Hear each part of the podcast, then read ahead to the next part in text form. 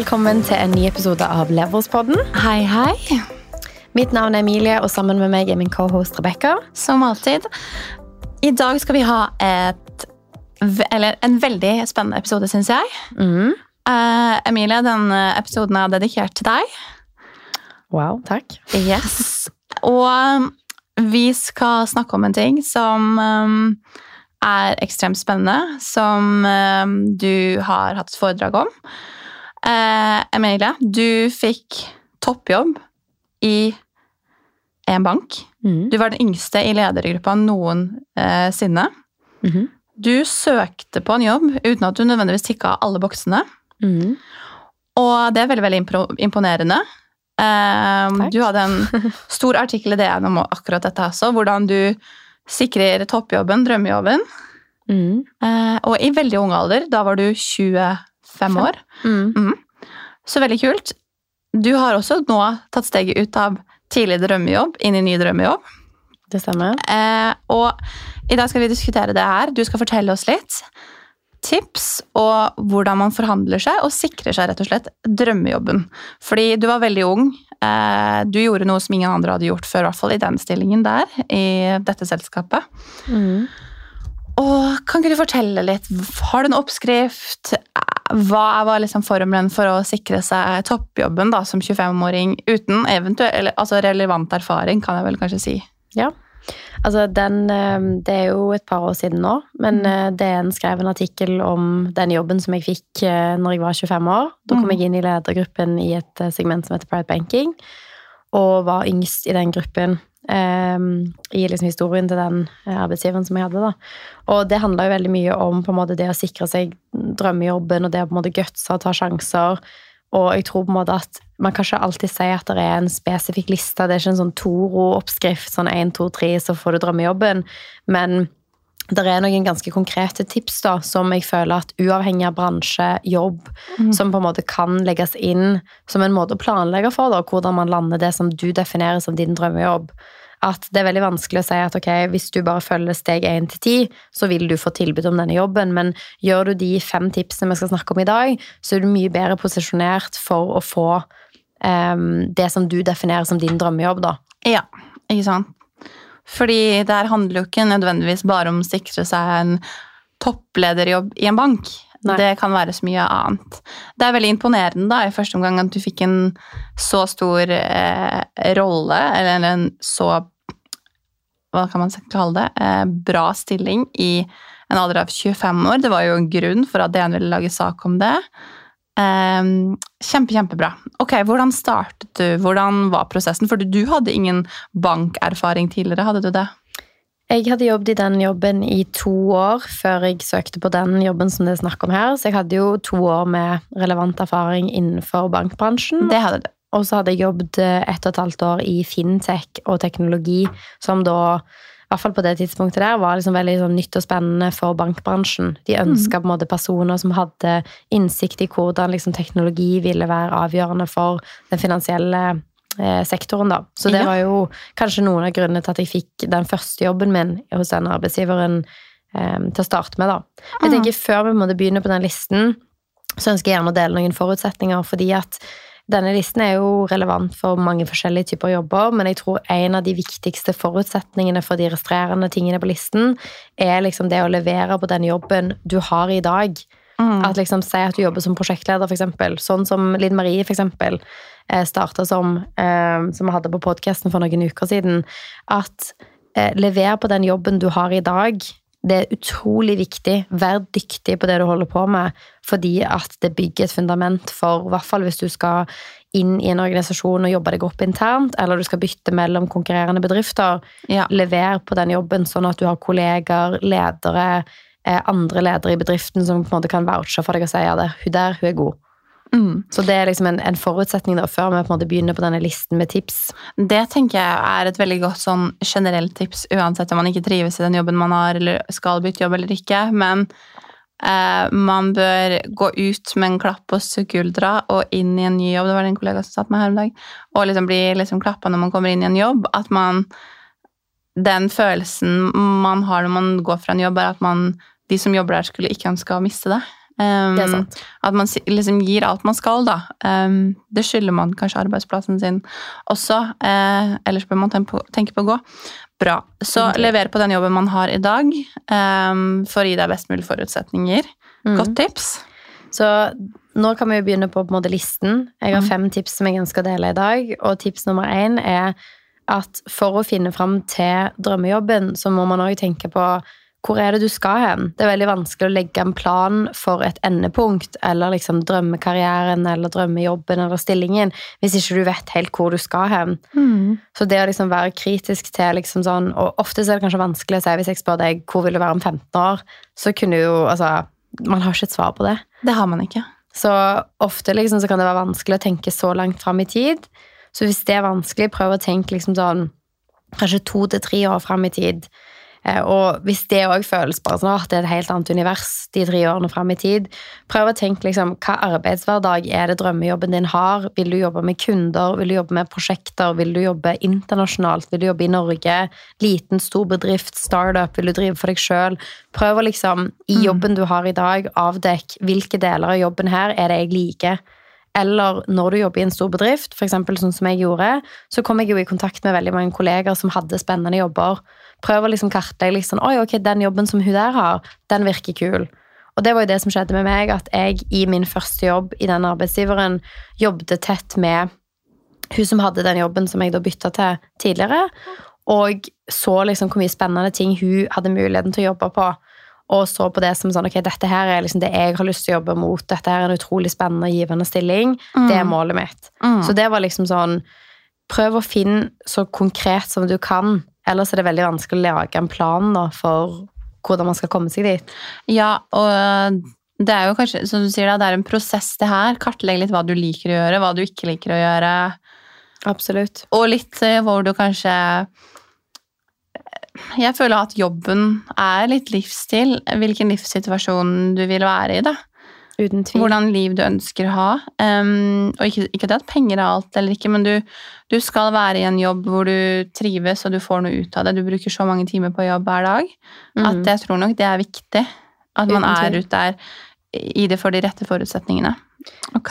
Så tenker jeg at når du på en måte har funnet den jobben som du vil ha, da, eller du har peilet deg inn på en arbeidshverdag som du ønsker, så i hvert fall i mitt tilfelle så begynte jeg å si ok, hvis jeg vil ha den jobben om tre år, for eksempel, så trenger jeg prosjektlederansvar, jeg trenger eh, strategisk erfaring, jeg trenger å bygge et nettverk på tvers av min organisasjon, både i Norge, men også i utlandet. Altså, jeg trenger mange av disse tingene som jeg på det tidspunktet ikke hadde. Så det jeg på en måte begynte å gjøre når jeg fant ut av hvor jeg skulle hen, var jo å dreie jobben og den, det mandatet jeg hadde i min første stilling, mot de tingene jeg visste jeg trengte i framtiden. Så da visste jeg at ok, jeg trenger å være prosjektleder. Jeg trenger å jobbe på prosjekt. Jeg trenger å lede strategiske implementeringer. Jeg trenger å jobbe med prisstrategi. Altså, jeg begynte å plukke opp ting litt utenfor den jobben jeg hadde rakk opp hånda når det var snakk om å være med på prosjekter, og til slutt så ble jeg prosjektleder. Altså, jeg gjorde mange av de tingene for å da vite at ok, hvis jeg er i den intervjuposisjonen om to eller tre år, så kan jeg si at ja, jeg har kanskje ikke ledererfaring i ti år, men jeg har liksom to eller tre år med veldig konkret erfaring hvor jeg har levert på dette, gjort dette, tatt dette ansvaret. Men visste du på dette tidspunktet at det var den rollen du ville ha? Da hadde jeg på en måte peilt meg inn. Da hadde jeg brukt liksom seks-syv måneder i den jobben jeg hadde. Kom i kontakt med den personen som hadde stillingen før meg, og tenkte dette her er liksom min drømmejobb i den bransjen som jeg er i nå.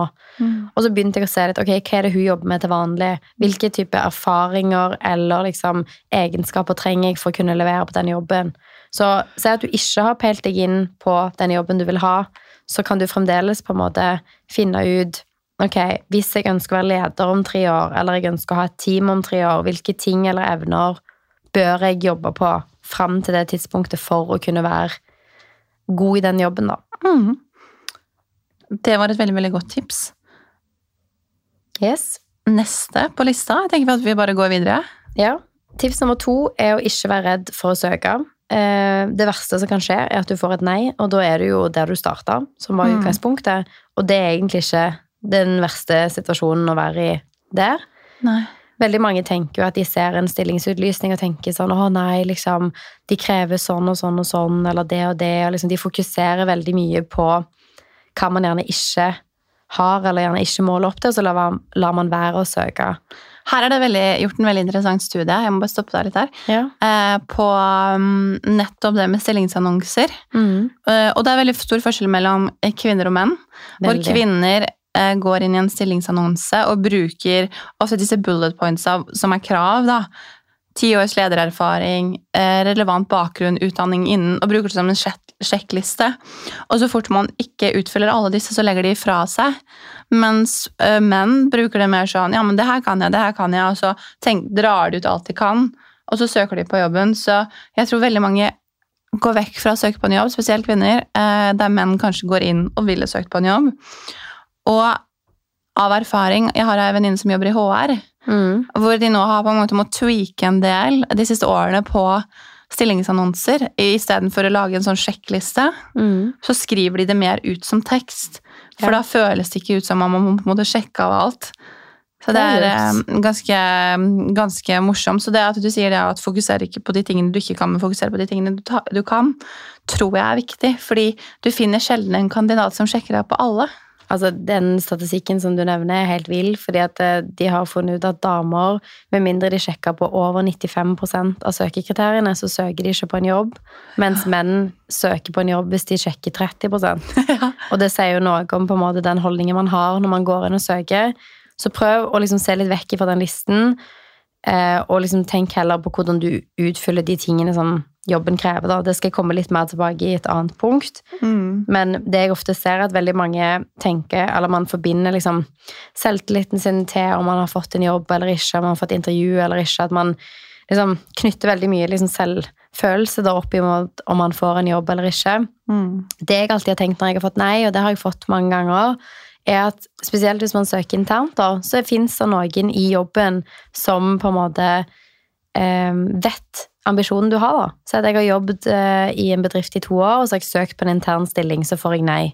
Da vet både kanskje lederen min og en leder i en annen del av organisasjonen at dette er min ambisjon. Mm. Det kan være en kjempefin inngang til å snakke om hvor er det du ønsker å være, hva ambisjonsnivå har du, hva er drømmejobben din om tre år. Så kan du planlegge mange av de tingene med sjefen din, eller du har sendt ut følere da, til andre om at dette er der du ønsker å være. Jeg, tror, jeg tror det er et veldig godt tips, spesielt når man søker internt også, fordi eh, jeg opplever at eh, jobber man internt, så kjenner man til systemene, rutinene, prosesser, man har kanskje egne programmer. Eh, og selv om man da om man ikke tikker av alle boksene, så kanskje det er lettere å eh, lære deg de tingene du mangler, fordi du har så mye annet internt allerede. Fordi eh, igjen så er det jo veldig sånn Du bruker veldig mye mm, som du lærer når du går på skole. Altså sånn Som lege så, og andre ting så er det en ting, men i forhold til business så tror jeg 90 eh, av 10% lærer du på skolen, 10-20 og så må du lære 80-90% av jobben på jobben. Uten tvil. Um, så jeg tror det er mye liksom rom der da, for ja, finne løsninger. Mm. Og så er det jo også det at ok, da vet noen andre ambisjonsnivået ditt. Det Ja. kan være en fin inngang til f.eks. det å hospitere i en annen avdeling, skygge noen, mm. ta et kurs, ta en autorisasjon. Mm. Alle disse tingene som på en måte kan være et godt grunnlag for at du får den jobben neste gang du søker. da. Ja. Og um, jeg tror òg at grunnen til at du får nei et sted, kan være grunnen til at du får ja et annet sted. At sånn, ofte så handler det jo gjerne ikke om akkurat deg som søker. Det handler kanskje om at den kandidaten som fikk jobben, kanskje har gjort akkurat det vi snakker om. da. De har kanskje hospitert i den avdelingen før, de kjenner den avdelingen, de kjenner kanskje lederen der, de har liksom skygga noen, de, altså, de har vært på et prosjekt sammen med dem. Altså, du er ofte ikke grunnen til at du ikke får jobben. Det er ofte en erfaring eller noe som gjør at en annen kandidat er bedre stilt. Mm. Og det kan være grunnen til at du skiller deg ut i en annen setting. Ja. Så prøv å liksom fjerne det du tenker om deg sjøl fra et ja eller nei, da. Ja. Bra. Tips nummer fire. Yes. Eh, vurder din egen evne til å gjøre jobben. Eh, ut, altså sånn at man, Når vi snakket litt om det med denne listen At eh, når jeg så listen på min eh, jobb som jeg søkte på, den tidligere jobben jeg hadde, så var det jo ti års eller ledererfaring, det var master Jeg hadde ingen av de tingene. Men jeg prøvde å koke det ned til hvilken type person er det de ber om. Ok, De ber om noen som kan håndtere komplekse eh, problemer, som kan på en måte rydde opp i store prosjekter, som kan ha mange baller i luften på en gang, som kan lede liksom, store prosesser og implementeringer. Mm. Det har jeg nå konkret erfaring med. Her kan jeg vise til erfaring som jeg har. Så jeg fokuserte veldig på at den listen som er i en stillingsbeskrivelse Veldig mange, kanskje spesielt damer, tenker på det som et GPS-koordinat. At sånn, ok, hvis ikke jeg er akkurat på det koordinatet der, så får jeg ikke jobben. Men tenk på det mer som en generell retning. Mm. Det er ikke sånn Det er ikke liksom eh, Tøyen, Oslo. Det er liksom mer sånn Østlandet og omheng. Altså, se på det som sånn. Jo. Det er en retning du skal i, og så prøv Ja. å se på de tingene. Hvem er det de vil ha som person, og hvordan oppfyller du de kravene? Jeg tror ofte som arbeidsgiver, hvis man er veldig sånn Man må jo være konkret og spesifikk, men jeg tror eh, om man har åtte eller ti års er- ledererfaring, eller om man har en master eller ikke Jeg tror ikke det er den som, altså, som noen ganger eh, er avgjørende. Så jeg tror arbeidsgiver til tider kan skyte seg i foten ved å være for spesifikk, fordi vi vet at eh, kvinner gjør som de gjør. Da. Um, jeg tror òg selvfølgelig som det du sier er et veldig godt poeng, litt person du kan være. Mm. At man eh, Det er på sånn du er. Ja, Mm.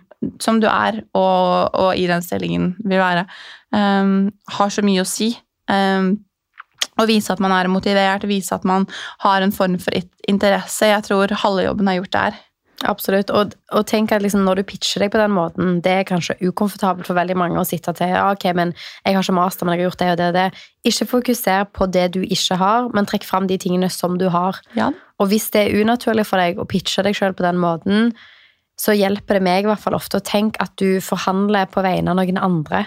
Se for deg at du eh, sitter og snakker med en venninne, og hun forteller om drømmejobben. Så er jo du, men herregud, dette kan du jo. Du var jo med på det prosjektet, du gjorde jo det. Du fiksa jo det. Dette er jo akkurat det de ber om. Altså, tenk at du omtrent forhandler på noen andre sin vegne når du legger fram hvorfor du er en god kandidat. da. Det kan være en fin måte å liksom Absolutt. pitche deg sjøl på, da. Nå har vi vært, vært gjennom fire. Tre. Har vi vært gjennom tre? Den første var jo egentlig bare en forutsetning. Det med å levere på jobben sin er liksom en forutsetning for resten av listen. Og så har vi snakket om hvor man skal i forhold til å finne ut av hvor eh, drømmejobben er, og det å ikke være redd for å søke. Og tre, vurdere evnen din til å gjøre jobben. Så nå er vi på punkt fire Vi er på punkt fire. Det er, det er jeg som ikke kan telle i dag. Helt korrekt. da er vi på punkt fire. Yes. Så punkt fire, eh, tenk på den tyngden som du har med deg. Når jeg kom inn i den posisjonen som jeg hadde tidligere, så var vi ti stykker i den ledergruppen. Eh, og alle, med unntak av meg, hadde liksom 25 år erfaring i bransjen. De kjente arbeidsgiveren mye bedre enn meg. Markedet, personsegmentet, produktene. Alle disse tingene hadde en vanvittig historikk. Um, og det er veldig enkelt å komme inn i en sånn gruppe og føle veldig sånn ok, jeg kan ikke like mye som de. Og når de har 25 års bransjeerfaring, og du er 25 år, så er det jo klart at du kanskje konkurrerer med det. Men det er veldig viktig å tenke på at du ansettes ikke for samme grunnlag som de gjør. Du ansettes for en annen kompetanse som du skal tilføye. Du skal ikke erstatte, men du skal tilføye kompetanse i de settingene man kommer inn i.